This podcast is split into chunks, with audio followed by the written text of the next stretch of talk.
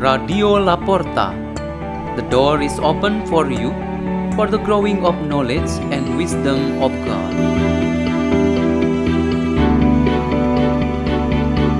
delivered by Father Peter Tukan, SDB, and Vocationist Sisters in Labuan Bajo, Diocese of Ruteng, Indonesia.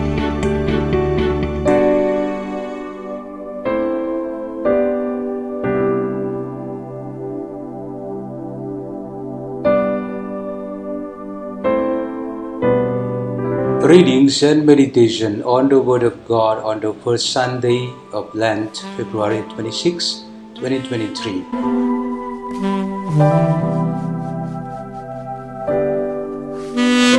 A reading is taken from the book of Genesis. The Lord God formed man out of the clay of the ground and blew into his nostrils the breath of life, and so man became a living being. Then the Lord God planted a garden in Eden in the east and placed there the man whom he had formed. Out of the ground the Lord God made various trees grow that were delightful to look at and good for food, with the tree of life in the middle of the garden, and the tree of knowledge of good and evil. Now the serpent was the most cunning of all the animals that the Lord God had made. The serpent asked the woman, Did God really tell you not to eat from any of the trees in the garden? The woman answered the serpent, We may eat of the fruit of the trees in the garden. It is only about the fruit of the tree in the middle of the garden that God said, You shall not eat it, over even touch it, lest you die. But the serpent said to the woman, You certainly will not die. No, God knows well that the moment you eat of it, your eyes will be opened, and you will be like God, who know what is good and what is evil. The woman saw the tree was good for food, pleasing to the eyes, and desirable for gaining wisdom. So she took some of its fruit and ate it. And she also gave some to her husband, who was with her, and he ate it. Then the eyes of both of them were opened, and they realized that they were naked.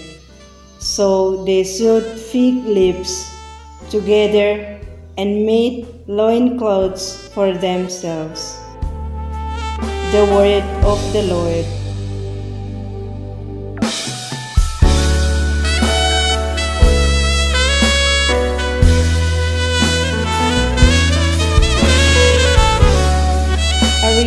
Taken from the letter of the Apostle Paul to the Romans. Brothers and sisters, through one man sin entered the world, and through sin death, and thus death came to all men, inasmuch as all sinned.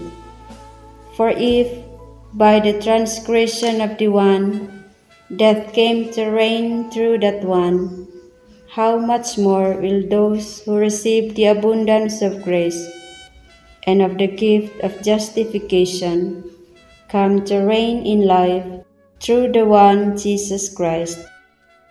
In conclusion, just as through one transgression condemnation came upon all, so through one righteous act acquittal and life came to all.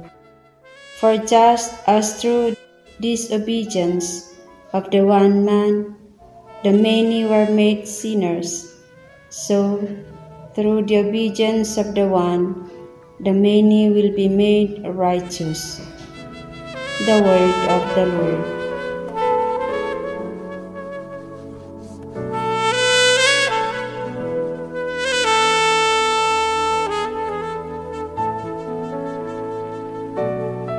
A reading is taken from the Holy Gospel according to Matthew. At that time, Jesus was led by the Spirit into the desert to be tempted by the devil. He fasted for forty days and forty nights, and afterwards he was hungry. The tempter approached and said to him, If you are the Son of God, command these stones become loaves of bread. He said in reply, It is written, One does not live on bread alone, but on every word that comes forth from the mouth of God. Then the devil took him to the holy city and made him stand on the parapet of the temple and said to him, If you are the Son of God, throw yourself down. For it is written, He will command His angels concerning you, and with their hands they will support you, lest you dash your foot against a stone. Jesus answered him, Again it is written, You shall not put the Lord your God to the test. Then the devil took him up to a very high mountain and showed him all the kingdoms of the world in their magnificence. And he said to him, All this I shall give to you if you will prostrate yourself and worship me. At this, Jesus said to him, Get away, Satan. It is written, The Lord your God shall you worship, and him alone shall you serve. Then the devil left him, and behold, angels came and ministered him. The Gospel of the Lord.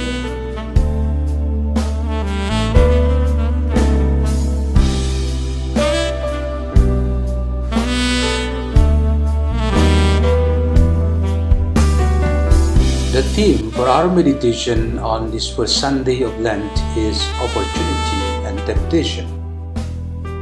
There is a story that when all the continents and islands on earth were created, God placed humans in each place according to their respective races.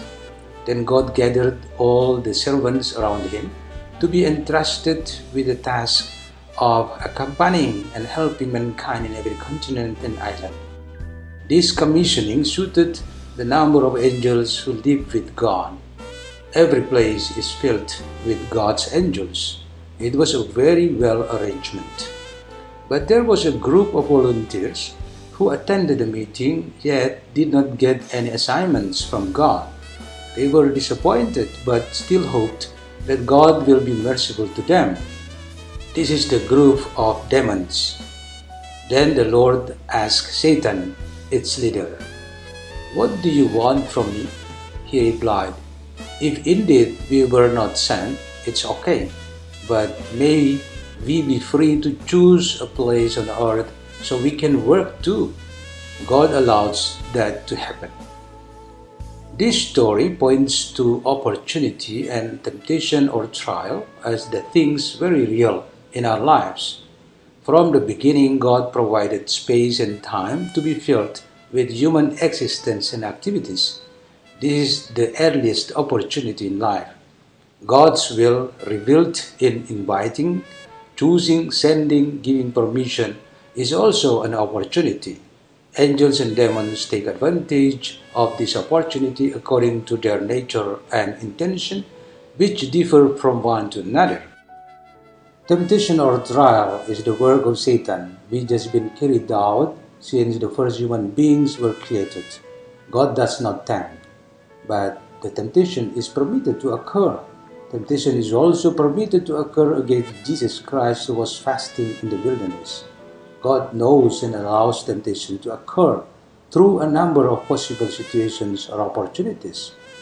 In a lonely and solitude person, the possibility of temptation is bigger. Eve was tempted by the devil. Jesus was tempted in the desert.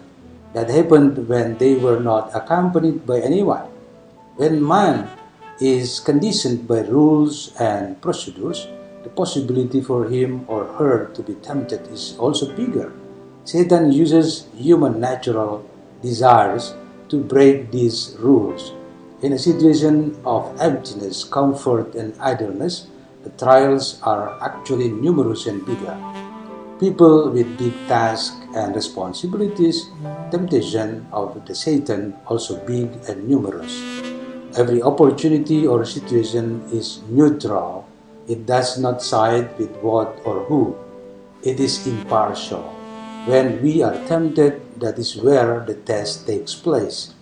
If we are strong in our faith and remain with God, we will overcome Satan's temptation and trial. If not, then we are defeated by Satan and eventually we fall into sin. Let us pray. In the name of the Father and of the Son and of the Holy Spirit, Amen. O Lord, strengthen our faith so that we are able to go through all the trials of life. Our Father who art in heaven, hallowed be thy name, thy kingdom come, thy will be done on earth as it is in heaven. Give us this day our daily bread and forgive us our trespasses as we forgive those who trespass against us. Lead us not into temptation, but deliver us from evil. Amen. In the name of the Father, and of the Son, and of the Holy Spirit. Amen. Radio La Porta. The door is open for you.